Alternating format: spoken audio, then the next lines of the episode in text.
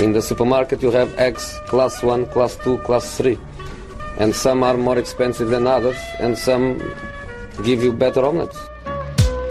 That's the wrong information. Wrong, wrong, wrong information.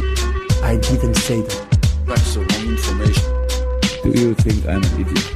Wrong, wrong, wrong information. Now look at me when I talk to you. Your job is to tell the truth. That's the wrong information.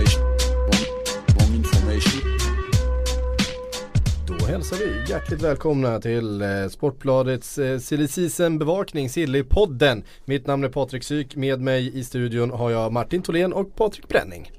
Eh, Martin, du det kan vi säga, du kommer ju ta över den här podden i några veckor framöver här. när- Ja det låter, det låter mycket det där alltså, ta över, vilket ansvar Ja jag vet, eh, vi, jag, jag gillar att ha det så. Man vill bara kasta ut folk på den djupa delen utav bassängen med en gång. Ja, Eh, så får man lära sig simma. ja vi, får se. vi får nog ta med en feber till nästa måndag så vi får se Det är jävligt djup del också liksom Få liksom axla Patrik Syks ansvar att ställa väldigt, väldigt långa frågor utan någon egentlig fråga och ställa frågor och svara på det själv och sådär. Ingår, ingår alla Liverpool-frågor också? Ja, det gör det ja, det, är det. Det är ett krav. det är ett krav, ja visst Liverpool-kvoten ska Det står i ditt kontrakt om du eh, läser det finstilt. ehm, Ser fram emot din Instagram-uppdatering också, men det kan vi ta så gäller det att man har såna här snygga övergångar också, segways som Precis, folk brukar klaga på. Det har du Eh, fått beröm för till och med. Alltså jag vet inte vad, jag inte, ja. Eh, det vad det. Eh, för på tal om det finstilta så är Oj. frågan vad John. John Terry har fått för eh, dealer i sitt eh, kontrakt med Aston Villa. Jag menar, han är ju knappast där för att han har drömt om att jobba med Steve Bruce i hela sitt liv. Eh, så vad, John Terry till Aston Villa, det verkar ju klart nu. Eller det är Ja. klart. Lite förvånande ändå Ja, Jag trodde ju mer på MLS eller Kinaspåret Och om man skulle vara kvar i England så tror jag definitivt på Premier League Ja. Spelat i Championship Ja, alltså när jag hörde att, att Birmingham då med Harry Redknapp var sugen på att plocka in John Terry. Det hade man verkligen kunnat se liksom. Eh, lite mentor på något sätt. John Terry har ju sagt att han vill bli manager i framtiden. Att hans nästa kontrakt ska vara. Men jag menar går man till Steve Bruce jävla Aston Villa då liksom? ja, det är, Ja, men jag trodde också han skulle leta efter en Londonklubb och lyckas med det i alla fall så han eh, slapp flytta familjen och sådär men Ja. sen lär han väl kanske pendla till Birmingham på något sätt men eh, det känns ändå, jag håller med, väldigt förvånande. mm. Nej, jag förstår inte vad som lockar med Brentford borta en fredagkväll liksom. Det är helt obegripligt för mig Ja, eh, ah, han kommer få spela i alla fall. Jag vet inte ens vad Aston Villa har i, i backlinjen nu för tiden. Har väl den här, har de inte några gamla typ såhär James Chester och där som Ja, ja, säkert. Så det, han lär nog ta en ordinarie plats i alla fall Joe Leon är ju inte kvar i alla fall. Nej, det är nog tur det. Kan twittra ut bilbilder och så vidare. Sorgen då. Fan vi är dåliga på Aston Villa känner jag. Men, ja, men eh, Aston Villa, alltså Aston Villa efter, det, efter den pissäsongen som de gjorde då för två säsonger sedan och sen den pissäsongen de har gjort i Championship. Är Micah Richards, är han kvar eller? Ja, Jag skulle tro det. Jag vet att Ja. Abgon Lahore är kvar i alla fall. Ja han är det Ja. Så de har Jedinak också från Crystal Palace Alan Hutton, bara det. Alan Hutton, Ja, den ja, är det- fin det är bra. Ja, ja, ja. Eh, men vad ska han där och göra då? Ska han, ska han liksom dit och vara back bara eller? Vad, vad, vad lockar de med? Det är ju inte pengar de kan locka Men med. de verkar inte så pengakåta de här britterna generellt. Alltså de är väldigt kåta på att tjäna pengar i Premier League. Men man tänker ju också på Wayne Rooney som man har väntat på att han ska dra till Kina eller MLS och liksom tjäna storkovan. Han har ju De inte heller de dragit. har ju rätt mycket pengar både Jo de har absolut men, eh, men eh, vi har sett andra med ganska mycket pengar vill ju ha betydligt mer pengar om man säger så. Det känns inte som det, det känns som de är Mm. Men väldigt hemkära. men Om man ska vara riktigt ärlig så känns det inte typiskt brittiskt att göra det här, the big money move att de liksom eh, Men de gör inga moves överhuvudtaget britter Alltså Nej. de lämnar inte Premier League, de gör inte förutom Nej. för Championship då uppenbarligen. Ja precis, Ja, men det, de är väldigt obekväma med att eh, lämna. Det är ju liksom Real Madrid som har lyckats locka över några. Ja. Eh, men i övrigt så är det väldigt lite alltså. Men det är väl som britter på solresa också liksom. De åker någonstans där det finns sol och en pool men så står de ändå under taket, kollar Premier League på TV och dricker bira liksom. Så att Vi jag vet inte. vi har ju visserligen Fletcher i Marseille. Ja, den, den, den, Nej i och för sig, det har jag glömt bort Och någon Boothroyd vi hade i Perugia också för hundra år sedan ungefär så ja ja, nej, vi, eh, vi har ju ingen insyn i vad de har lockat med men det lär väl komma fram att det är någonting. Ja det behöver vara det, eller att han bara vill, att han känner verkligen att han har, han har lite spel i sig. Att han, han letar efter den sportsliga chansen att bära ett lag igen. Han känner ju, han måste passar in där med rensningar som Ja. från straffområdet upp på läktaren applåderas liksom. Det är det han Det finns, det finns något väldigt eh, osmakligt skämt där kring spelarfruar och sådana saker. Som Ja vi men det inte får stå för dig. Som vi inte behöver ge oss in på heller vad han kan eh, kräva för någonting eh, i sina kontrakt. Men, men, eh, men eh, vi, vi lämnar det där. Men man kan väl hylla honom istället om han nu Mm. eh, inte gör the money move utan faktiskt ser någon slags sportslig möjlighet där. Absolut. Sen eh, absolut managerspåret är ju intressant att han att Det han är ju, det är, är, är alltså det har, har ju någonting med hans vilja för han har varit väldigt tydlig med att Han också pratat om att den här förlängningen han gjorde med, med Chelsea för förra säsongen eh, Gjorde han väldigt mycket för han ville ha ett år under Conte och att han Han, han har gått bredvid och han har tittat väldigt noggrant och han har fått lära sig mycket, han har fått följa med Han har liksom, och, antecknat varje dag han påstått Ja tiden. precis Gud jag vill läsa de anteckningarna, alltså jag vill verkligen göra det. Man märker ju i alla fall att han ville ha trebackslinjen. Vi har Conte och nu Steve Bruce liksom. John Terry älskar sina mittbackar, det kan man säkra på. Guardiola älskar sina mittfältare men Terry han kommer spela mittbackar på centralt mittfält också alltså. Absolut Um... Ja vi får väl, eh, vi får väl återkomma till John Terry när vi vet lite mer om det där, eh, den där dealen och, och, eh, och Eller så ser han bara Steve Bruce, men han sitter ju jävligt löst. Så jag tänker att jag ger Steve ett par månader, sen kliver jag in som spelande manager i en Vialli bara. Ja för det, för, vad, vi har, vad, vi har, vad jag har sett i alla fall så är det ju ingen assisterande roll eller sånt där utan han är ju där som spelare liksom. Eh, det finns liksom ingen ytterligare del i hans, i hans roll i klubben. Som jag har kunnat läsa mig till i alla fall. Men det är väl det det kommer få bli varse eh, inom kort antar jag. Eh, den stora grejen eh, idag är ju annars Lacazette till Arsenal som nu verkar vara, han verkar väl vara i London och göra sig redo för en eh, läkarundersökning om man ska tro eh, vissa medier. Ja, det Lyons president har sagt är väl att han, han ska till, till Arsenal och det ska kosta inte mer än 45 miljoner pund.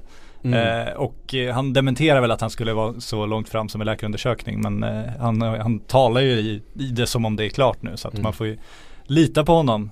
Ola. Ja, det var Sky Sports som skrev att, att eh, Lacazette var i London. Men fan vad de har sjunkit Sky Sports. Det är ju helt absurt. Det är ju liksom, alltså man ser ett rykte i, Italien, sen tar det 25 minuter, sen har den som sköter Sky Sports Twitterkonto uppfattat det och skickar ut det som Sky Sources. De pumpar ju bara nu. Det är ju Mm. helt absurt. Vi ska de var faktiskt- bra för några år Vi sedan. kan ju puffa framåt för det för att vi ska göra det där som vi gör någon gång då och då.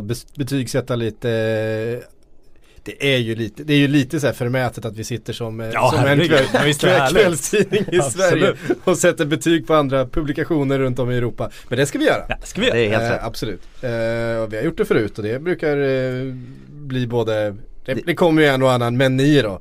Eh, Och den får vi äta upp. Jag känner mig ganska trygg att vi tar det här idag och inte nästa vecka när jag ska leda mitt första program. Och, Nej men det är det, man, det är det här man vill ha bränning till. Därför att Mm. eh, det, det är hans glashus vi ska kasta, kasta stenar Fast, i. fast om vi ska försvara oss själva så är ändå så här, silly season som fenomen finns ju inte riktigt i Sverige på det sättet. Det är ju ingen i Sverige som skriver påhittade saker för att få liksom, alltså man gör inte det, man hittar inte på övergång, man hittar Nej. inte på rykten utan det är ju bara att kolla svenska medier. Det är ju väldigt hög träff rate på liksom eh, Ja. eh, Ja men på alla slags sillyrykten kring allsvenska klubbar. Så vi jobbar lite annorlunda kan man säga. Ja, eh, verkligen. Och jag menar det här stora det som driver det är ju det här stora internationella intresset. Därför blir ju också de brittiska tidningarna för att de skriver på engelska. Ja. Det är lätt liksom för alla att eh, konsumera och så vidare.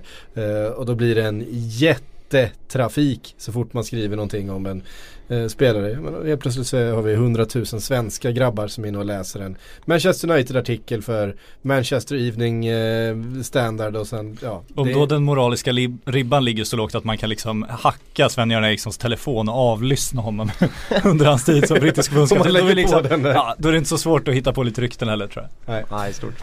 Eh, Men om vi ska återgå till Lacazette som vi faktiskt började. ja, Eh, ja, det är coolt att det äntligen händer någonting i Arsenal på anfallsfronten. Vi har suttit Ja. och tjatat i nio raka tra- transfönster ungefär, det har inte blivit någonting. Eh, och sen att de också hugger och Lacazette. gå för fan. Vad sa du? Nej, och sen att de eh, plockar, eh, alltså Atletico Madrids klara nyförvärv egentligen. Lacazette var ju egentligen klar där. Eh, man undrar om det bara blev så nu eller om det fanns en uttalad reservplan att de inte får Lacazette. Vem vi har då? Det, man skulle vilja veta hur Wenger har tänkt inför det här alltså. Ja, Ehm, då är frågan blir, hur pass mycket blir Arsenal med en Lacazette istället för en Giroud eh, i startelvan? Eh, och kommer det här påverka hur Alexis Sanchez vara eller inte vara i klubben? Eh, vad tror ni? Jag tror de planerar med Sanchez fortfarande. Det vore idiotiskt att, att räkna bort honom. Det, det finns nog fortfarande gott om att förlänga med honom.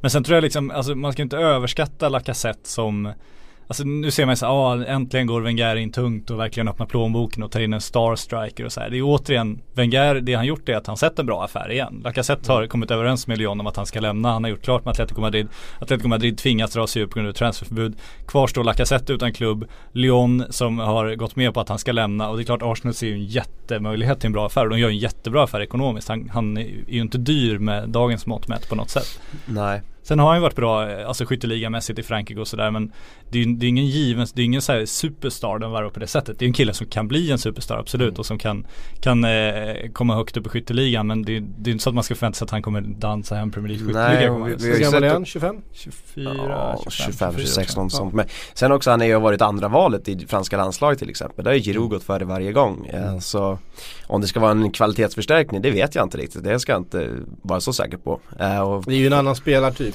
Ja, så det kan nog passa in spelartyp lite som man bättre tror ska kunna passa bättre. i Arsenal ja, exakt. Ja. Med lite snabbhet kanske och istället för en tung Giroud där fram. Mm. Ja men det är väl det som blir den stora, det är väl därför också delvis han är petad i landslaget för att det funkar så bra med Giroud som är så tung och så mycket target och, och sen Mm. Griezmann bakom. Arsenal vill ju snarare ha en mer rörlig anfallare nu, eller en som ska göra både och och det är väl det man kan få i Lacazette. Han är ju både tung och target och en djupledsspelare så Mm. det betyder ju mer för spelet. Så spelet kan ju han ju få väldigt stor inverkan på. Det kan ju Mm. förbättras avsevärt med att de får fler alternativ så men som spelartyp om man jämför liksom Giroud och Lacazette i, i potential så vet jag inte om, om han är en en hästlängder mycket bättre anfallare liksom. Men han är en annan typ av anfallare. Och sen känner väl jag, det verkar nästan som att Giroud är förlorad. Det känns som att han kommer byta klubb, det är bara frågan om vilken. Eh, och där Förlorad är väl fel ord kanske. Det känns Ja, som men, en puttar nej men honom alltså, jag, jag känner att liksom de har ju alltid haft en nytta av Giroud då som inhoppare och kunna sätta in och få några enkla liksom lyfta in lite bollar eller enkla lägen och göra några sena mål. Han har, Eh, gjort, det han har ju framförallt gjort väldigt mycket sena mål den senaste säsongen här. Ja. har räddat oerhört mycket poäng. Precis, och de tappar ju liksom det vapnet nu. Känns det som i alla fall. Om, de, om, om, om de då tappar eh, Giroud. Exakt. Eh, det får vi väl se. Om han kan tänka sig att ta eh, andra spade som det ju ändå blir på honom. Det får, det får vi väl ändå eh, säga. För vi såg ju att spelet blev bättre när Alexis Sanchez flyttades in och Giro startade på bänken. Men då blev man ju av med Alexis Sanchez i sin favoritposition ute på kanten där han kunde göra så mycket mer med större ytor. Eh, så det är klart att eh, Wenger vill både, både ha en Sanchez i mitten och någon som är rörlig där fram. Och det får man ju nu. Ja, och därför blir det en bra affär och Mm. därför offrar de väl Giroud också. Ja. Ehm, var ska Giroud då? Marseille tackar väl nej nu, de vill ju väl inte bjuda eh, över 20 miljoner euro ens, tror jag det, det senaste var där. Sen eh, har du väl snack om West Ham, annat, annat intressant. Ja. Ja, han kvar där ens. Jag tror han är i Championship med Terry ska Ja, ja, brottas. Eh, nej men jag vet inte, var, var, var kan vi placera in honom om Marseille säger nej? Ehm, Italien kanske, Inter, något sånt där, Milan. Ja. Ja Milan har i och för sig Ja, Milan har ju så där får vi värvat se. allt Ja. annat. Så, Så där får vi se, men eh, ja, eller någon Premier League-klubb med mycket pengar och Ja. inte samma toppambition kanske. ja, West Ham då. Ja, Som sagt, Milan har ju precis värvat Borini så att eh, Exakt, där är det det fullt. Där är alldeles för mycket mål gjorda. vi kommer till dem om en liten stund där. Men eh, vi ska bara säga någonting om eh, Arsenals fönster så här långt. För de har ju faktiskt värvat en, eh, en ytterback av kvalitet också. En eh, Kolasinac. Kolasinac? Nej, det kom, känns rätt. ja Han är ju bosnier så Ja. eh, en vänsterback och då eh, har man ju äntligen fått in då en uppgradering på Kieran Gibbs. Eh, Nacho Monreal har ju inte heller varit så bra den här säsongen tycker jag som han har varit tidigare. Tycker jag, I perioder har varit en fantastiskt bra eh, vänsterback men eh, eh, har väl gått ner sig lite grann och nu får man ju en riktigt spännande spelare. Årets lag i Bundesliga. Om jag inte Ja, såg helt fel. Ekonomiskt Eh, bra affär också kan man ju säga. Ja det kan man Han fortsätter säga. på den inslagna vägen. Ja, eh, det är ju så, det är så han gillar att jobba. Ja, därför vi Eh, tror Mares kanske är på väg också. Ja, eh, och det är väl nästa, det är väl nästa rykte som eh, när Lacazette då blir klar, vilket vi räknar in att han blir, Ja. så är det väl Mares. Men då är frågan, ska man ha kvar eh, Kommer Mares även om Alexis Sanchez stannar eller? Jag vet inte om Mares kommer överhuvudtaget. Det känns bara som det känns, känns som en logisk affär. Det var italienska uppgifter nu i veckan. De ger jag inte så jäkla mycket för egentligen. Men, eh, men det har känts som en logisk affär. Precis som Lacazette kändes som en logisk affär redan innan det verkligen började snackas om det också. Då var det också så här med Lacazette Arsenal. Det känns ju väldigt så. Eh, ja men kändes verkligen som det kunde bli av. Och man känner ju likadant kring Mares.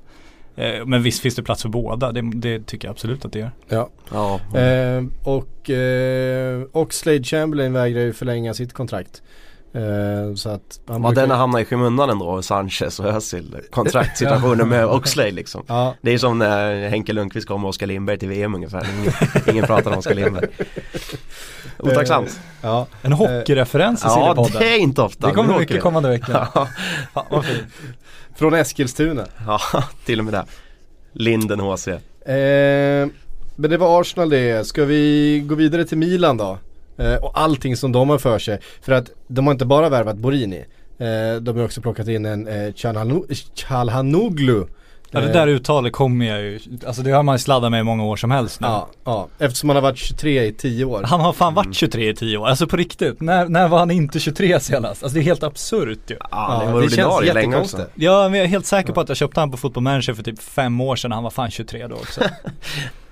Han kan stämma. Ja, Eh, ja det är ju lite mer klass på honom än vad det är på Fabio Borin. Alltså, vi bara, vi bara se, man, alltså jag är så förbryllad över det här. Man tycker att Milan har gjort ett kanonfönster hittills och plockat verkligen du vet, eh, framtidsspelare, mycket kvalitet och så Fabio Borini från Sunderland. Han var ju inte ens bäst i Sunderland. Han var ju han var ju inte ens bra i Sunderland. Ja, men hans, hans, eh, ändå, Han måste ju ha hans, världens bästa agent. Ja, men han måste ju ha världens bästa karriär också, vilka klubbar han representerat utan Ja. att prestera någonting. Så han Ja. är en bra agent. Eh, nej det är klart att inte han ska vara den ska frälsa men i övrigt så har ju Milan gjort det eh, otroligt intressant. Alltså, det var länge som man kände sån liksom, tillförsikt för att se Milan en säsong som jag är Ja. nu. Men varför tar man Borini då? Han är 26, alltså det är inte såhär, ja det blir väl en bra, en bra inhoppare från, det är han ju inte heller liksom. Vill man hellre Nej, ha någon han- annan han där ju liksom. inte till det heller. Nej.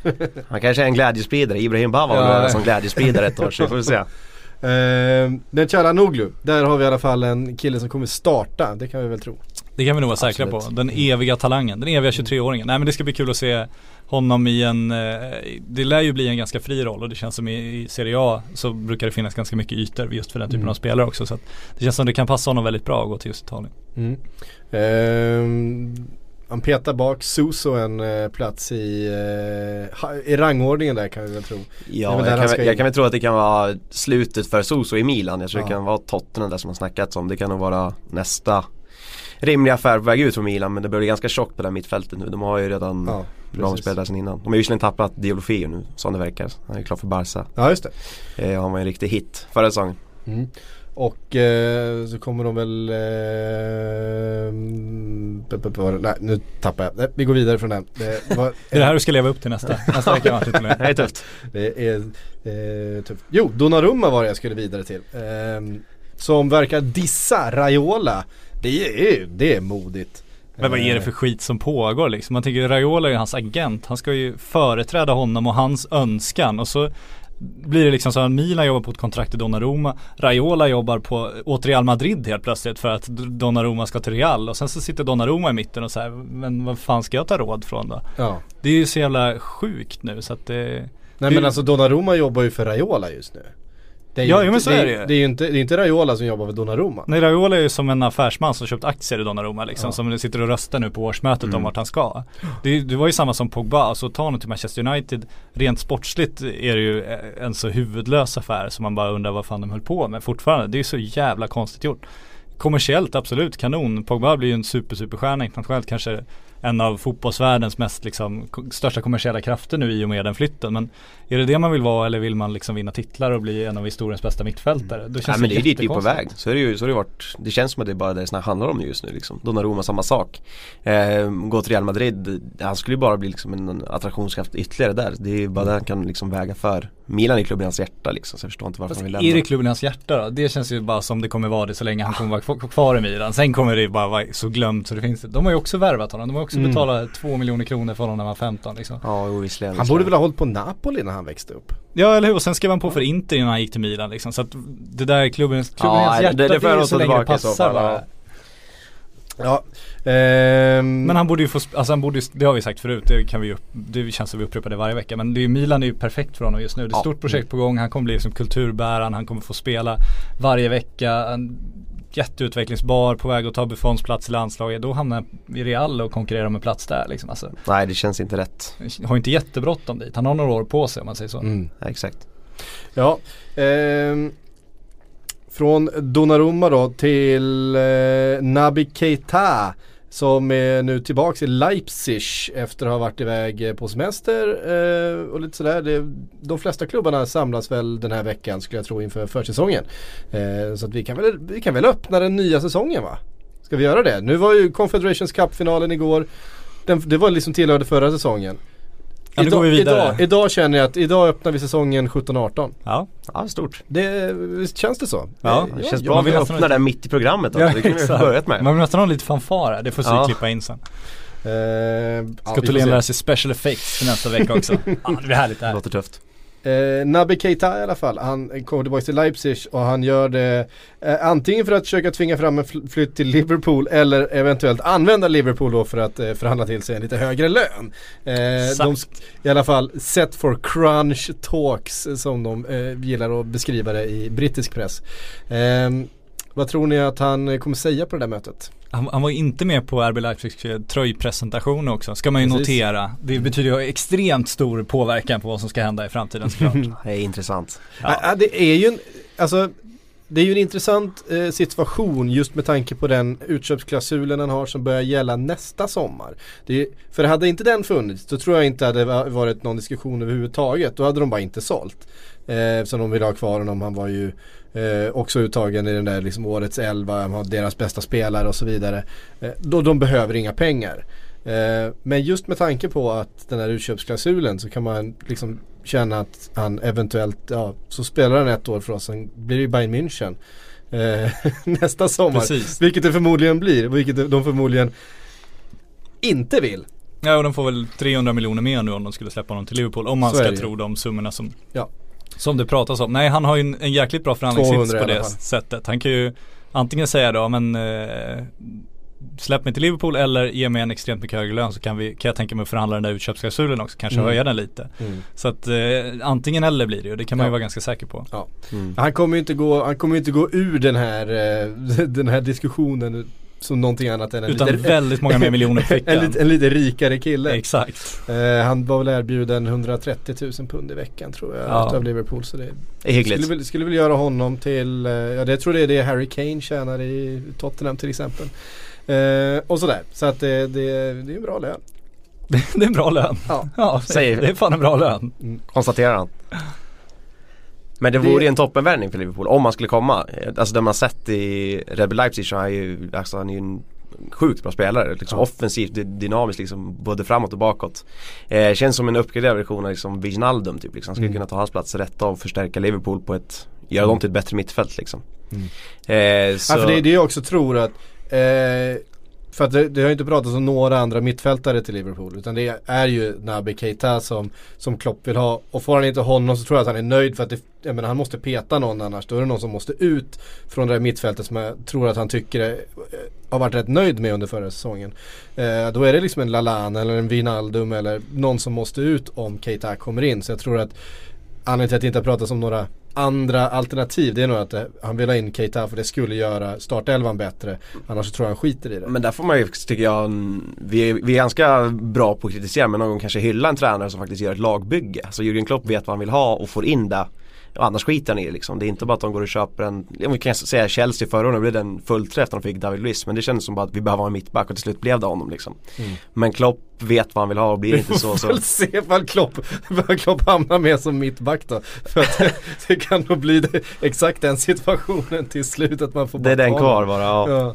Ja. Ehm, och sådär. Ja, nej men eh, det blir någonting att följa upp i alla fall eh, kring. Han skulle då bli den dyraste spelaren att lämna Bundesliga någonsin tror jag. Och typ världens sjätte, femte dyraste spelare. Men de där, det där är rekord som ska slås varje sommar egentligen. Det Ja, ska men ju alltid just, bli den dyraste Just nu spelaren känns det som det är så kortbane-VM i simning precis efter att de införde hajdräkterna. Ja lite Det är så. liksom sådär, gamla rekord, det är liksom inget att ha.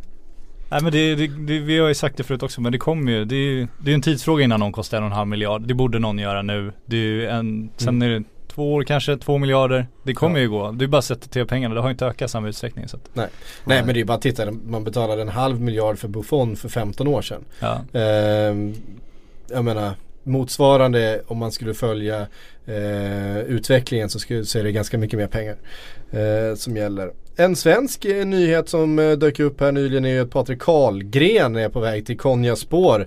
Och känner ni hur eh, entusiasmen i er?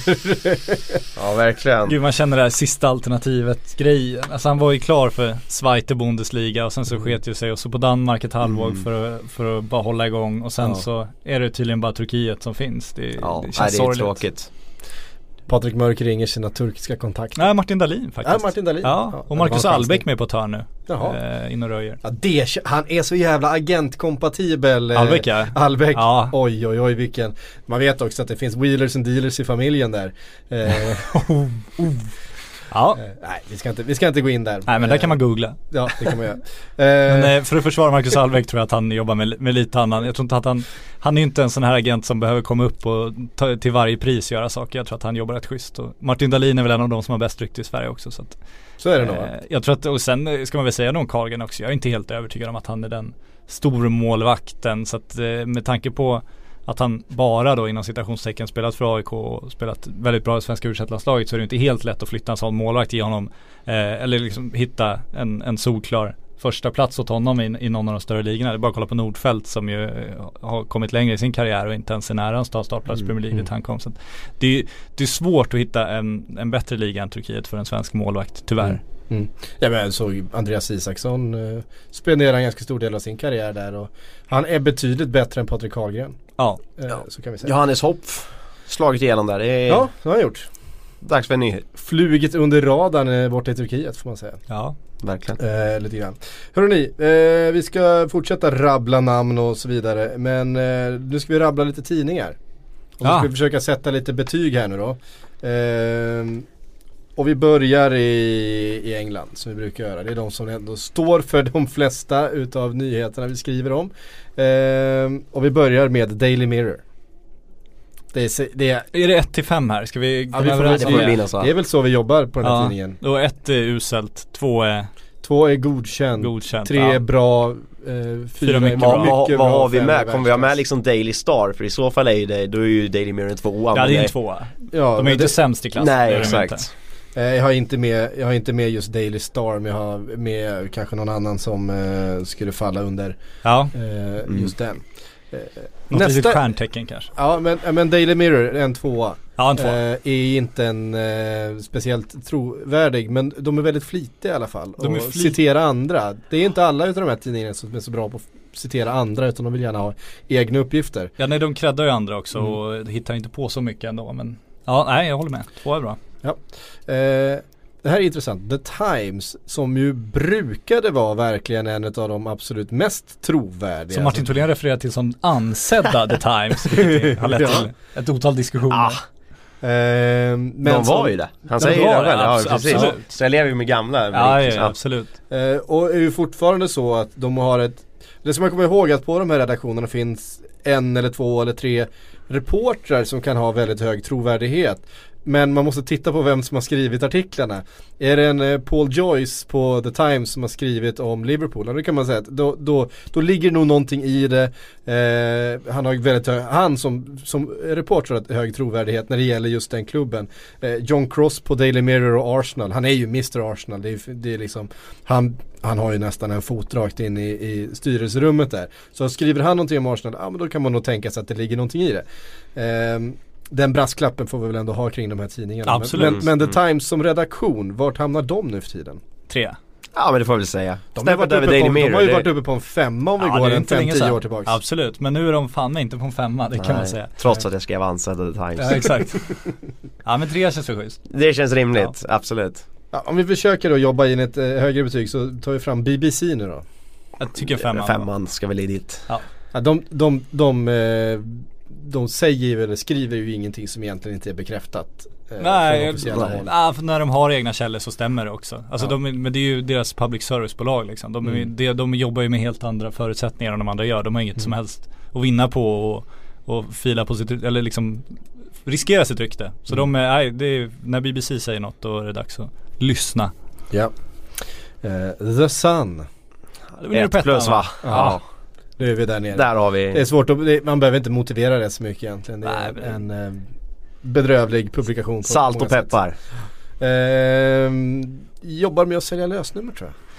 Det gör de, Det är väl absolut. en ganska stor del av deras eh, Sen verklighet. får de stora intervjuer och ganska stora avslöjanden ibland också. Så att det, det är dumt att bara, men allt som Mm. De är ju den största tidningen i, i Storbritannien. Ja, så att man, eh, man får ju ändå eh, kosta på sig att läsa det de skriver ibland. För de är ofta på stora grejer ganska snabbt. Bland annat för att de eh, har ibland kanske tveksamma metoder för att ta fram nyheterna också. Men, Mm. så att, eh, men eh, de, har, de avslöjar väl en tio transferrykten per dag ungefär. Och Mm. man kan väl säga att Ingen stämmer ungefär. ingen av dem stämmer. Nej, precis. Eh, Daily Mail är också en sån här kantboll. Det är ju ingen eh, eh, eh, säger, tabloid på det sättet. Men det är fortfarande en tidning som är högst tveksam på många sätt. Jag landar väl i en tvåa ungefär. Med. Ja. Mirror eh, s- klassen exakt, där. exakt. Och Telegraph är också väldigt eh, Var, aktiva. var okej här om året ändå. Då var de uppe och Mm. nosade på 3 plus tyckte jag. Mm.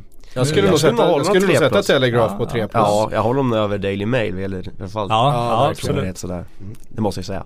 Vi lämnar Storbritannien då eh, och så tittar vi på de här mer internationella eh, och då pratar jag inte specifikt om länder utan ESPN till exempel som ju är en amerikansk eh, tv-kanal och har en nyhetssajt som eh, Som Grant Wall jobbar på. Han är typ ensam och jobbar där. Ja, okej.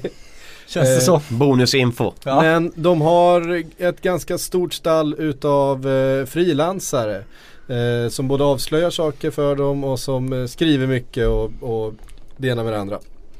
Vad ger vi ESPN för Ja och det blir väl där vi landar. Du säger ju nästan, du sammanfattar, det, det blandas ju högt och lågt där känns som. Det är väldigt Ja. bra grejer, sen är det helt grejer som är tagna från ingenstans. Så jag vet inte var man landar då, tvåa, trea, någonting sånt. Mm. Ja, det tycker jag, ja, det, det där är så svårt för när, när de skriver om italienska övergångar, de har ju någon snubbe där som det känns som han, han höftar rätt Mm, rejält. mm. Alltså där är inte mycket rätt. Men sen när, när den här Grant Wall till exempel skriver om, om eh, MLS och spelare som är på väg dit, då är, det, då är han ju fyra snudd på fem. Så att Mm. den är svår men Mm. ja. ESPN är konst, det är som en sammanslutning av olika journalister så där får man verkligen Ja. gå ner på, på detaljnivå. Ja Där är det nog extra viktigt att kolla, kolla vem det är som har skrivit. Ja. Eh, och så kommer vi då till Sky som jag inte klump, klumpade ihop med de brittiska, äv- även att de såklart är, är brittiska. Men du har ju då Sky Italia, du har ju arabiska Sky och du har Sky lite överallt och, och de hänger ju ihop i Rupert Murdochs eh, lilla universum. Men tyska Sky tycker jag är rätt bra. Ja de brukar vara ganska rätt på det va? Ja. Och sen engelska Sky var ju bra. Men Mm. nu är det ju helt katastrof där för så det är helt sinnessjukt vad de svingar. Det höftas mycket ja. Sky Italia är ju väldigt aktiva. Ja, Eh, det får man man också så. säga. Och där beror det också på Eh, vem som ligger bakom. mm. Många gånger kan man säga.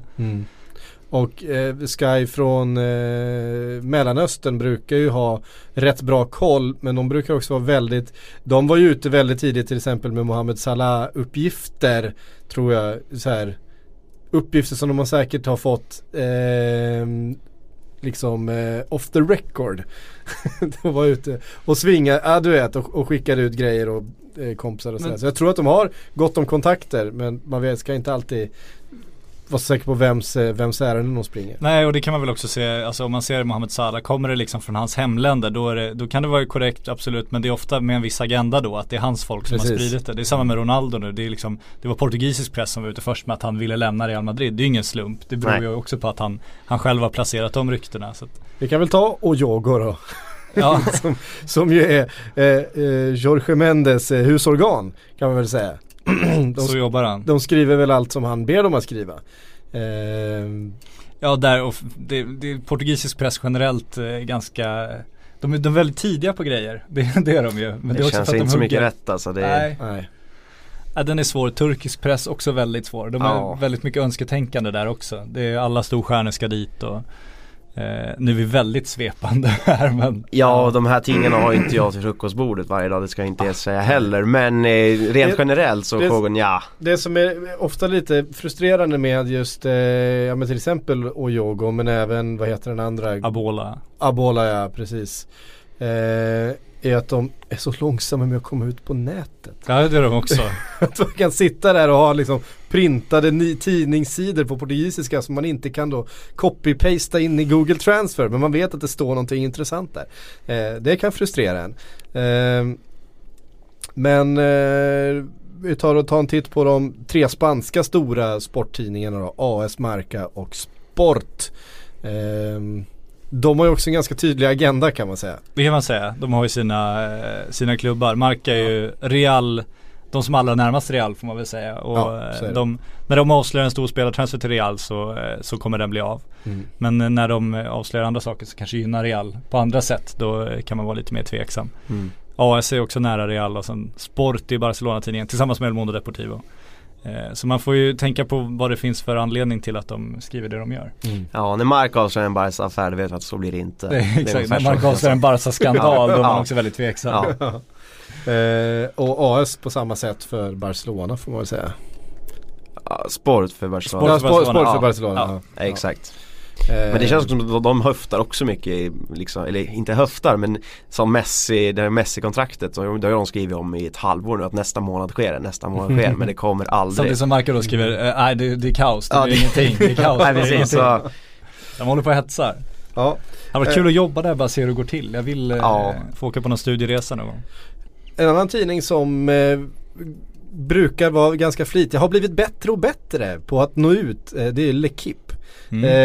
Eh, också en tidning som har haft oerhört hög trovärdighet eh, länge. Jag menar det är en, en gammal, det är liksom en riktig europeisk tungviktare vi pratar om här. Jag vet, inte, vad ska vi sätta för betyg på dem? Ja men det, det är i alla fall en trea. ja det är det absolut, men jag skulle säga fyra var spontant men jag kan omvärdera så att en trea i så fall. Eh, De är väldigt flitiga också, det är ju det. Mm. Det är alltid nya L'Equipe-uppgifter. Eh, dagligen. Eh, men när de väl tar i då, Man får känslan av att de har ganska mycket folk som jobbar där. ja och ganska många tidningssidor att fylla. Men när de väl tar i då är det ju 4-5 liksom. ja men exakt. Men det känns som att de svävar inte så mycket, de går ju ganska mycket med sitt frans liksom. Det är inte så att de är ute och berättar Nej, de engelska jobbar ju- de- de jobbar ju- de- Terry Aston Villa. Franska spelare och franska lag. Även, även franska spelare i andra lag. eh, Precis, förstås, som så de det är väl är. där man får hålla det ganska högt att det ändå är ganska trovärdigt. Mm.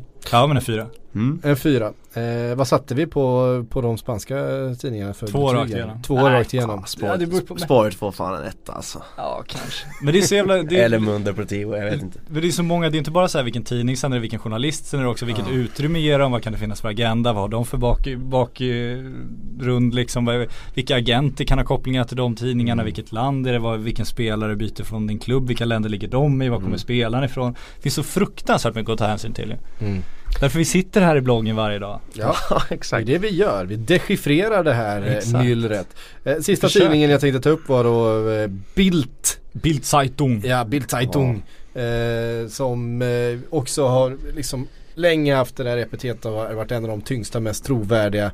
Och när det kommer till Bayern München eh, och om Bildt skriver om det, då vet vi att de är ju inte nödvändigtvis så att, så att de är som Sport eller Marca att de, att de går Bayern Münchens ärenden men man vet att de har ju väldigt mycket på fötterna när det gäller den här klubben. Mm.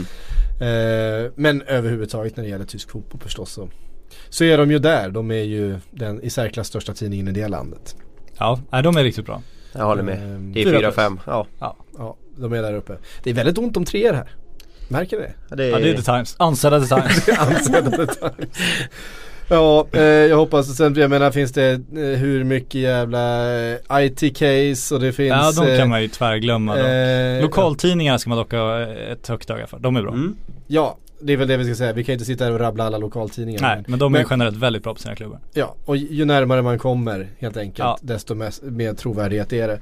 Ehm, de har också liksom mer att Eftersom man är så nära, de kan liksom inte sitta och hitta på saker om den klubben de ska bevaka på det sättet de står i som beroendeställning till. Det kan också göra att de ibland inte eh, kanske avslöjar saker på samma sätt för att de hamnar i en viss beroendeställning. Ja, de negativa artiklarna om Liverpool brukar inte alltid dyka upp i Liverpool Echo först. Nej. Eh, och fråga Newcastle, eh, Newcastle Echo vad som, vad som händer om man Chronicle. Ja, Newcastle Chronicles så heter de. Eh, Om man retar Mike det- Ashley. Ja precis, Då blir Är man det utkastad. Sunderland är det som har ett echo va? Ja, det är det va? Ja. Stämmer. Mike Trump Ashley. Och vad är det som händer? Han blev, blev portade från presskonferens och Vi portade allting. presskonferenser, matcher och allting. Ja, Ja, det- Skrev negativt om klubben. Var det, var det, vadå, var det falskt eller? Nej nej men det var negativt. nej precis. Ja, så kan det gå. Ja, Så kan det gå.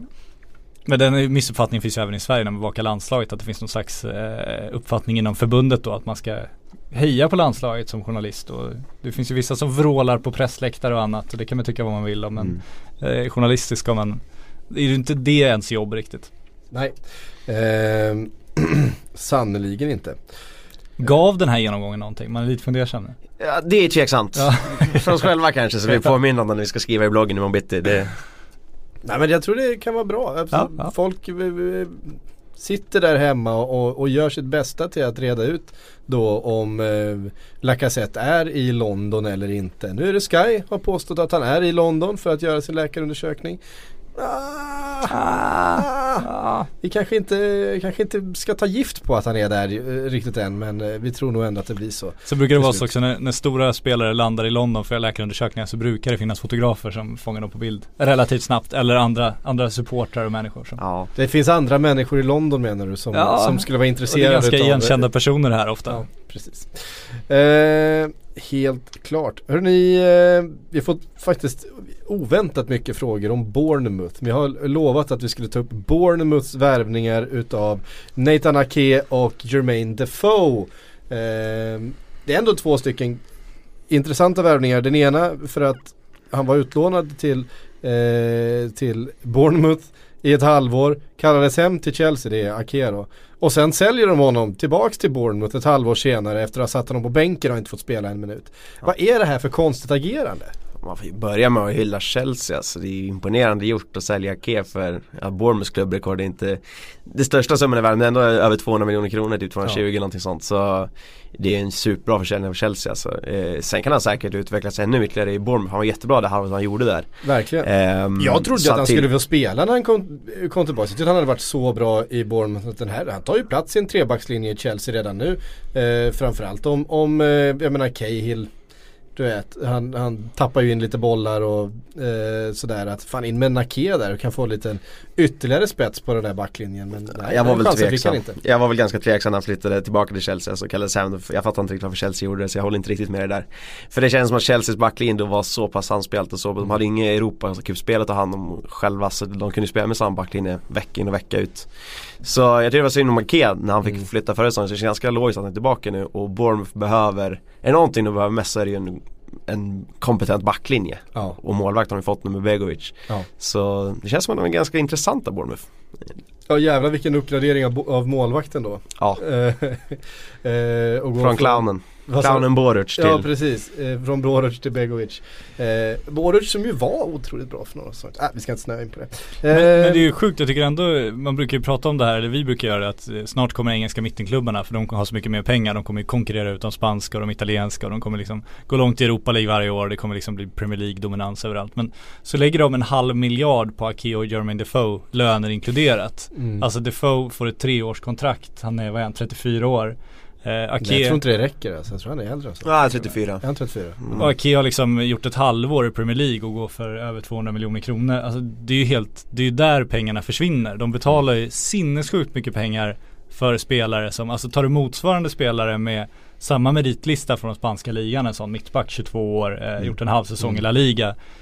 70 miljoner, Ja, max alltså det det blir så löjligt. Så alltså Ake kan ju bli jättebra såklart och Defoe vet vi kommer göra mål, det är vi helt övertygade om. Men en, över en halv miljard för en, en oprövad 22-åring som man ändå är fortfarande och en veteran som kanske gör sin sista säsong på den absoluta toppen. Det, är, det är helt sjukt egentligen. Hur känner Joshua King inför att eh, Defoe kommer in då? Jag menar, han kom ju igång med sitt målskytte. Jag vet inte hur mycket mål han gjorde där från jul och framåt. Men han gjorde ju typ mm, ja, men 10-15 Ja. mål liksom. Ehm, nu kommer han ju vara andra valet. Ja, det, kan ju vara lite så. Så har man Callum Wilson där också så de är ju ganska tungt belastade framåt om man säger så. Ja. Men alltså det är klart att Defoe kommer vidare i mål men King lär väl kanske ha en framtid i Tottenham då. Det är väl kanske, det har ju snackats om det så varför inte? Det kan ju vara en eh, en tydlig indikation på att någonting börjar hända med King, att väg bort. Ja.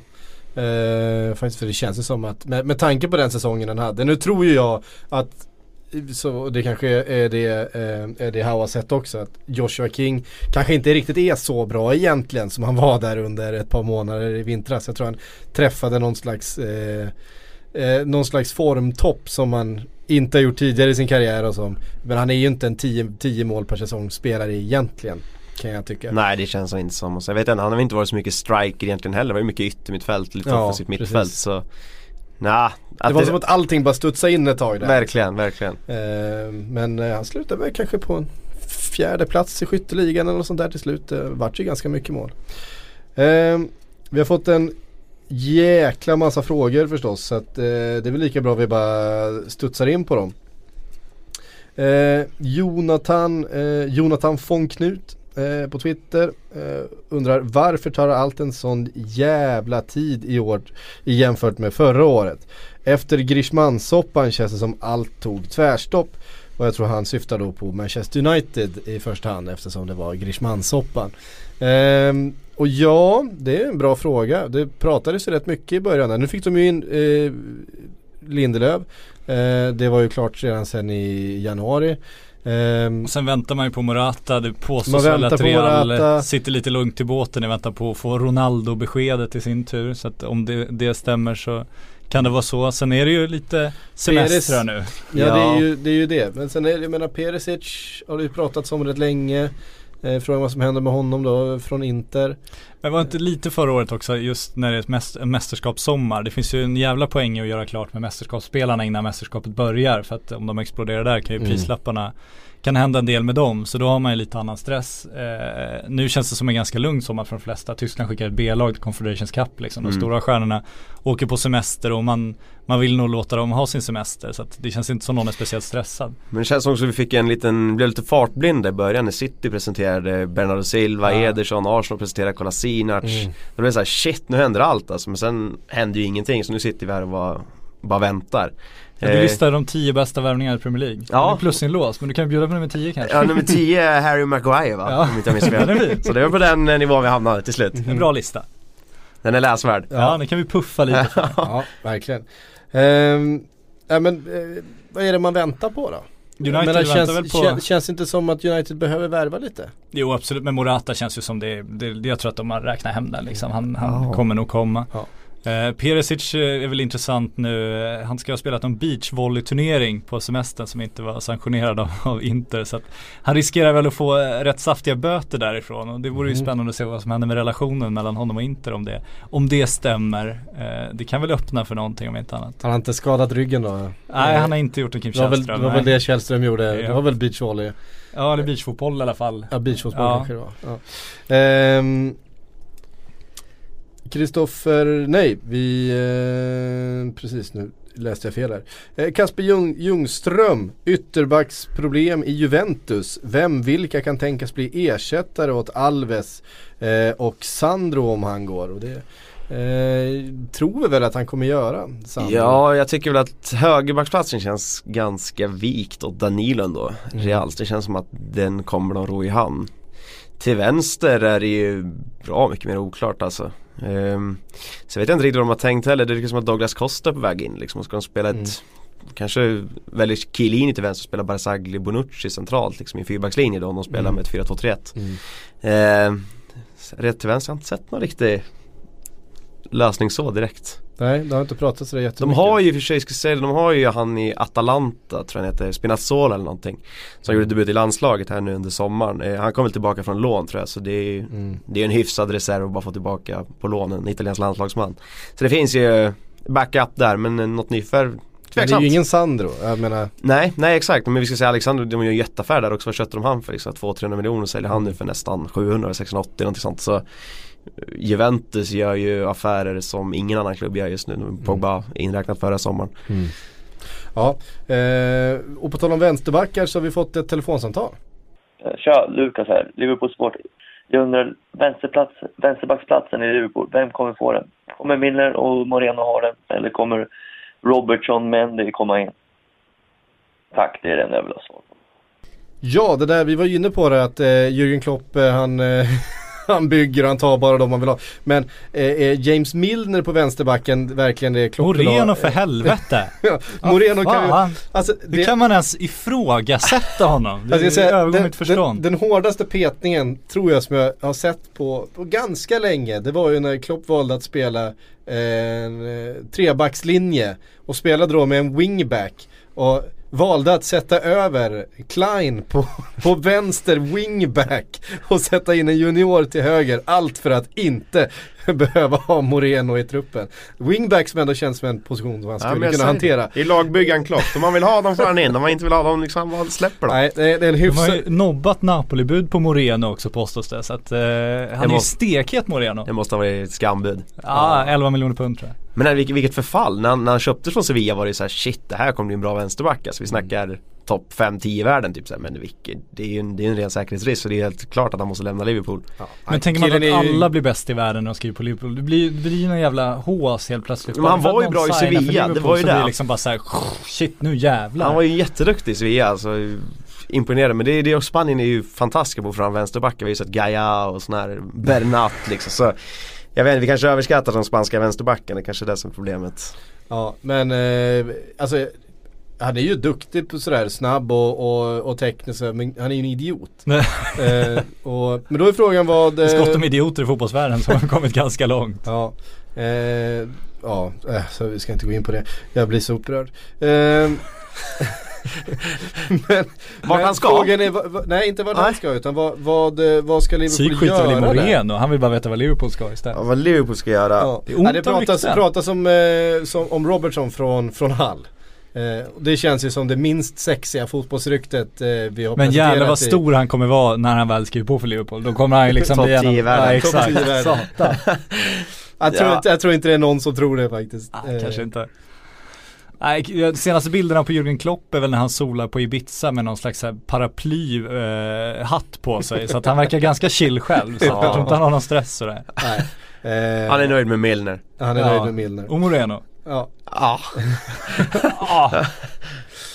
Eh, vi tar en fråga från Joel Svensson. Vilken anfallare ska West Ham köpa? För det är ju uppenbart att vi behöver förstärkning där eftersom Carroll är skadad. Säg inte Giroud. Giroud! Vadå, Carroll skadad, vem tar man in om Andy Carroll är skadad? Eh, Peter Crouch, nah, nej inte läge riktigt. Giroud, ja Ja, absolut. det, är, det är ju där vi landar. Jag, Ja. De vill ha honom, eh, han eh, får, får bo kvar, ha det trevligt. Och i och för sig, men i och för sig brukar ju West Ham väldigt bra på att hitta så här diffusa anfall, liksom typ såhär Emenike från ingenstans i Turkiet typ, eller så här, Oba Femi Martins tillbaka från MLS typ, eller så här, de kommer hitta något spännande som bara de har hört talas om alltså. Ja. Ehm, men om vi ska ge ett eh, seriöst svar här så blir det ju Giroud, tyvärr. Ja. Joel eller vad du nu hette. Ehm, Eller var det, gud vad arrogant här. Så, de de värvar, in, värvar in Zlatan på, en, eh, på ett halvår i vinter. Cause he's just a shit Andy Carroll. Eh, klassisk ramsa. Ja, den är bra. Herregud. Eh, de svensk, svenska supportrarna stod bredvid där. Så bara, Fan, vi kommer inte på något! Vi kommer inte på något! Eh, Swedish Evertonian undrar, eh, Giroud eller Rooney? Båda ryktas flitigt till Everton. Vem är bäst? de kommer väl inte ha, alltså Rooney känns som de gett upp i det här laget Ja. ju. Jag tror inte de kommer ta De har inte råd med den, eh, med den lönen tror jag. För Nej, och har inte han- gå ner i lön. Och, det, och hem till Everton igen Nej. och sådär. Eh, Nej.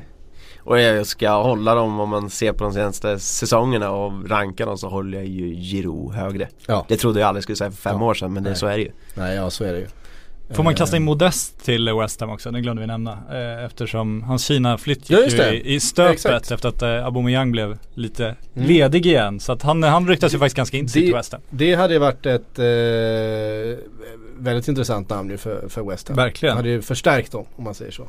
Eh, Det hade ju visserligen Giroud också. Det hade, ja, vi ska inte underskatta Eh, Giroud. nej, Tänk nej, på nej. vad han gör landslaget och sådär. Så.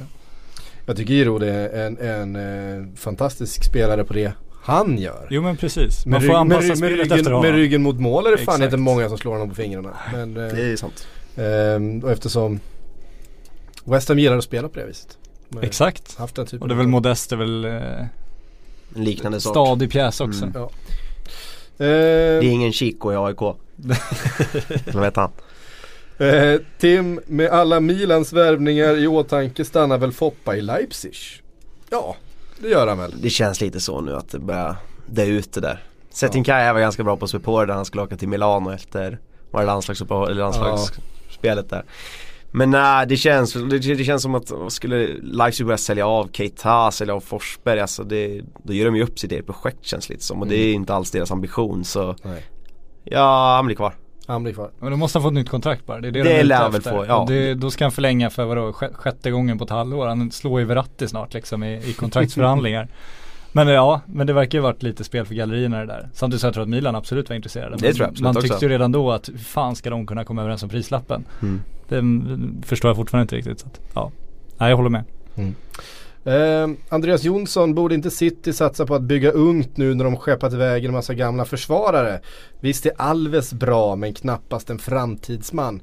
Den här Eh, långsiktiga, detta långsiktiga projekt med ägarna som är sportsligt intresse på sikt och ska bygga underifrån och sakta men säkert ta sitt till toppen. Absolut, det är klart det blir, blir långsiktigt. Ja, men det man kan säga om det där, är, som jag tycker är intressant, det, måste, du, det säger någonting vilken brist på bra ytterbackar det är i liksom, världsfotbollen. Om Alves är så eftertraktad, och ändå var han 36-37 någonting liksom. Han är ju Så, nej, Det är ingen ålder. nej det, förlåt. Fast han är ju ja, relativt billig så alltså övergångssumman kan du glömma. Jag tror inte lönekraven för en Premier League-klubb är inte det några större problem att få in Nej, honom med tanke ju- på den form han visar för Juventus nu. Är, Ja men frågan är ju då liksom, eftersom alternativet verkar vara Kyle Walker för vadå 700 miljoner eller vad det är nu, den nya standarden för en 3 plus, plus fotbollsspelare är. Eh, ja, Kyle Walker är lite bättre än så. Men, eh, Ja. men, eh, ja, men 700 miljoner för Kyle Walker som då är, är visserligen ung, eller ja relativt ung i alla fall. Eh, eller noll för en eh, Dani Alves. Eh, visserligen med en hög lön men det kommer ju eh, Skulle Walker det, också Det ha. kommer ju Walker också kräva. Eh, så att ja, det kanske Ja, även, det- även på lång sikt är en bättre, eh, bättre affär att plocka in honom och sen lägga de pengarna. För jag menar, det finns ju FFP och så vidare som man måste förhålla sig till ändå. De, kan ju, ska ju, de har ju fler positioner de behöver förstärka i försvaret man säger De skjuter ju upp problemet, det är det enda, enda grejen. Men Kyle Walker, alltså 27 år, eh, 700 miljoner, inte helt given i Tottenham längre. Det känns inte som de har ett skriande behov av att ha kvar honom så. Det är ju ett jävla överpris där också så att eh, Mm. ja. Jag tycker Alves är en bättre, bättre ytter- ytterback än Kyle Walker. är. Ja det håller jag med om. Det känns som att Alves är den bästa lösningen för dem. Men det säger ändå problemet om Ja, och de får ju problemet nästa sommar Ja, igen då. exakt. Ja. Sen så börjar det ryktas, nu börjar det Mendy-ryktet börja ta fart igen. Eh, som var ganska tidigt ju, att Mendy från eh, Monaco skulle till City. Eh, och det verkar ha, jag vet väl det är någon som har bara hittat ett gammal anteckning på, på sitt skrivbord. Eh, och blåst igång där igen men eh, nu börjar det i alla fall snackas om att det här Mendy-affären ska vara, ska vara på G igen när spelarna återvänder till. Det känns Eh. som, det som kommer hända känns väl som att när, när just spelarna kommer tillbaka från semestern lär väl Monaco sätta sig med de här 6-7 spelarna de har på väg ut och fundera över vilka är faktiskt beredda att och vara kvar och vilka måste vi släppa nu. De hade kunnat, de hade kunnat sälja spelare för 3 miljarder. Ja, Eh, och ändå ha kvar halva sin startelva från eh, Champions League eh, så är det. Problemet är när de börjar ringa runt och klubbarna vet att de har 3 miljarder så kommer det kosta dem 6 miljarder att ersätta de spelarna Mm. så att det blir ju problematiskt liksom. Mm. Men det, jag det är väl därför Everton värvar nu. Istället för att värva efter de har sålt Lukaku och eventuellt ja, Barkley. det kan vara smart. Ehm, Men Monaco lär väl priser. Mm. Men Monaco lär väl landa i liksom vilka av Fabinho, Mendy och Mbappé och vil- vilka de faktiskt kan, vilka som kan tänka sig vara kvar en säsong till. De lär bli kvar, Mm. de andra tvingas de att sälja. Mm. Ja precis. Eh, bara när vi var inne på då Everton. Eh, de värvade väl, och mittbacks värvade väl de eh, Michael, Michael Keane va? Ja det ska vara på gång i alla fall. ja. Eh, enligt The Sun så ska han läkarundersökas nu så att gör vad du vill med det. Ett plus. Ett plus. Eh, Men det finns en del andra uppgifter som tyder på att det ska vara Det kan nog bli så under sommaren, ja. ja, gamle Manchester United-talangen. Eh, Som blev rasande när Victor Nilsson Lindelöf skrev på för Manchester United istället för honom själv. Populistvinkel. Tror sanningen, eller källan var Sun också till och med. Ett plus. Det låter så. Ja. Eh, Oskar Sundin, Renato Sanchez i blåsväder. Borde, inte, borde han inte ses som en bättre värvning än Keita till Liverpool? Um, men överhuvudtaget, eh, Eh, Renato Sanchez är ju en spelare, jag kommer ihåg, vi gjorde en EM-podd förra sommaren du och jag Patrik, där vi, eh, där vi sp- spenderade typ halva tiden åt att bara tokhylla Renato Ja. Sanchez match efter match efter match. Han var ju fantastisk i det mästerskapet. Eh, och med den, alltså så fysisk och snabb och teknisk och, och smart och allting och så ung han liksom. Det är ju världens, det är ju den nästa Yahya Touré, det är ju den nästa liksom super box to box mitt, mittfältaren liksom sådär. Eh, men den här säsongen så har det ju inte riktigt gått hans väg. Och nu i U21-EM så eh, var han ju bedrövlig. Det han fick spela. Ja, Han var ju bänkad till och med i Mm. Premiären i alla fall. Ja. Ja nej men, men jag vet inte det är så svårt att Just ska Renato Sanchez lämna Bayern München och gå till Liverpool? Jag har väldigt svårt att se den affären överhuvudtaget. Eh, jag tror, Jag tror han, vi kan ta bort Liverpool ur den här frågan för jag tror inte det är så relevant. Men Renato Sanchez, var ska han ta vägen? För det verkar ju också som att Bayern München verkar vara beredda att släppa honom faktiskt. De är, inte, de Ja. är så pass missnöjda med honom. Det har ju ryktats om att de, eh, de letar efter eh, klubbar som, som kan köpa honom. För de betalade ju rätt mycket pengar för honom förra sommaren. Om vi ska vara rent logiskt sådär, om man var hans agent, det, hans absolut bästa karriärdrag nu är ju och någonting har ju hänt. Det känns som han inte har skött sig i Bayern München. Jag tror inte han har, någonting, någonting har han gjort om han inte Mm. tränar ordentligt eller om han inte uh, brutit mot disciplinära regler eller någonting. Någonting tror jag har hänt.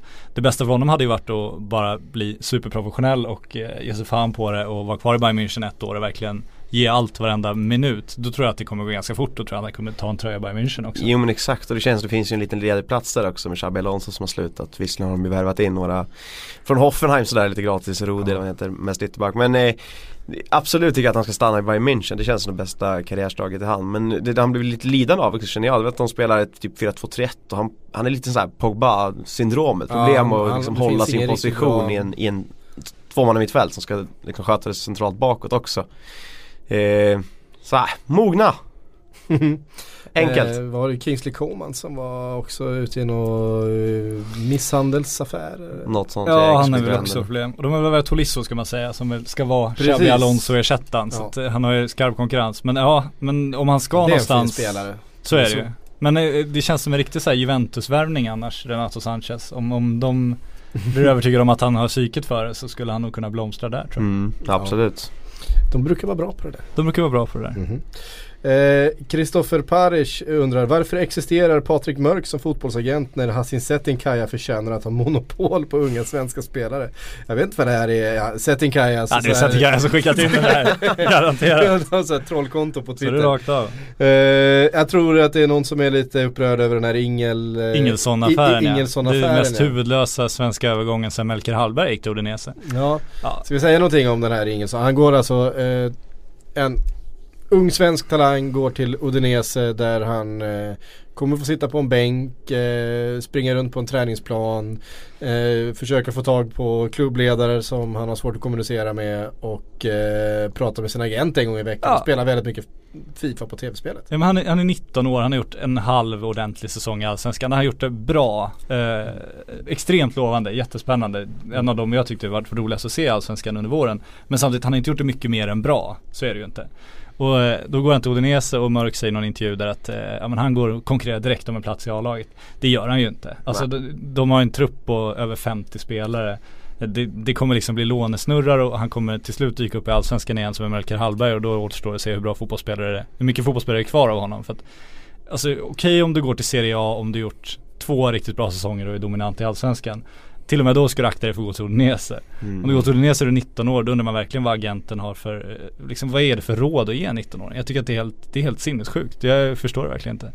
Om man ska göra Hassan Setinkaya jämförelsen, eh, det Setinkaya har gjort så bra Framförallt med Emil Forsberg, det var ju verkligen att han var i Sundsvall och Sundsvall ville sälja honom utomlands. Eh, ville ha honom till Malmö FF och lyckades övertyga dem om att eh, Malmö FF är ett bättre mellansteg och sen, sen kan du gå ut i Europa. Mm. Det, är- det, är ju liksom, det är ju ett bra karriärsråd. Det är ju så en agent ska jobba. Sen, sen ska vi inte, det är liksom en enskild affär så man ska inte döma Patrik Mörk och Hassan Setinkaya efter bara hur det gått för Emil Forsberg och för Ingelsson. Men, men eh, att skicka 19-åring till Odinese, alltså, det, det påminner bara om så här när Björn Runström gick dit och och när, eh, eller Björn Hallenius gick dit och, Mhm. och gick till Genoa och folk bara men det, det Inser du hur många anfallare du har? Nej ingen aning. Han har liksom inte ens googlat truppen innan han gått hit. Men vad gör han för research? Nej. Liksom 12, 12 strikers bara i truppen liksom. Ja. Ja. Nej det, det är någon som eh, har väldigt stort intresse av att han går dit. Kalmar har väl visst intresse för att få, få pengarna och Patrik Mm. Mörk har, har uppenbarligen ett visst intresse av det. För att så här dåliga karriär så kan man inte ge till en spelare. Jag tycker att det är jättekonstigt. Ja. Och det är inte så att han kommer komma dit och tjäna jättestora pengar direkt heller. Menar, han kommer ha bättre löner i Allsvenskan men det är inte så att han går och tjänar någon, du vet, Marcus Berg-pengar på att vara ett, liksom ett femte val i Udinese. Nej och Nej. de presenterar honom som striker väl när de eh, gjorde affären. Och Han är väl insåld som striker läste jag någonstans också. Ja han har väl spelat sa. liksom i- ytter i Ja, Kalmar. Jag, Precis. allt är bara jättekonstigt. Ja, eh, vi får väl se. Vi kanske får fel. Kanske Ja, jag är värsta- hoppas, hoppas vi får fel. Men vi satt precis och sa exakt det här när Melker Hallberg gick dit. Och nu ska vi inte slå Ja. på vår egen trumma för det kunde fan vem som helst se att det skulle gå sådär. Ja. Sen om man väntar på att han ska starta om för att han är fortfarande ung och det finns fortfarande mycket fotboll i honom. Och Mm. Jag tycker fortfarande att han är en väldigt spännande spelare. Det kan fortfarande bli mycket men han, han måste inse att det har varit några förlorade år. Och Mm. att Ingesson inte vände sig till honom på träningsplanen och bara du Udinese vad tror du om det här? Mm. Han kan ju omöjligt ha sagt om han nu har gjort det, ja men fan kör det blir Ja, kanon nej liksom. exakt, exakt. Eh, Ville Holma vill veta, hur fungerar FFP? Vi, av, vi avrundar med en, eh, med en, med en teorilektion då från eh, Patrik Bränning. För borde inte lag som City och United råka ut för det, eh, följer han upp med. Man kan väl säga så här, för ett- en klubb som Manchester United så har ju de så otroligt höga intäkter. Så att eh, de kan ju spendera liksom massor med pengar utan att riskera speciellt mycket FFP. Eh, skillnad då för kanske för ett Manchester City som inte har alls den typen av intäktsström genom kommersiella avtal och publikintäkter och så vidare som Manchester United har. Eh, att det skulle vara en större risk. Ja, men det enkla är väl just du får inte spendera mer än du tjänar. Det är ju det enkla att säga. Så mycket pengar du drar in, så mycket pengar får du kasta ut liksom. Du får inte ta in en stenrik oljeshejk som bara tar hela notan. Utan du måste tjäna pengarna i form av publikintäkter, marknadsintäkter, sponsorer och annat. Men eh, som du säger United. Och så är det ut, utslaget då på flera säsonger. ja, Så då kan man, eh, som Chelsea gjorde då liksom, till exempel man säljer ett par bra spelare, man går plus ett par eh, transferfönster.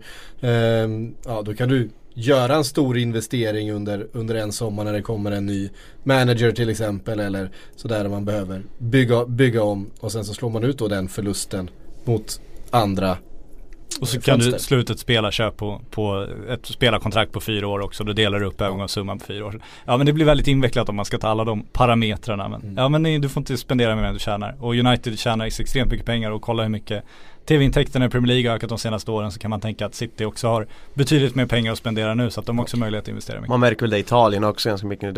Salah har väl lite problemet att de var för under Financial Fair Play som ville bli av med han ganska snabbt. Eller Mm. ville men de var tvungna De att bli av måste, med honom. Ja måste exakt.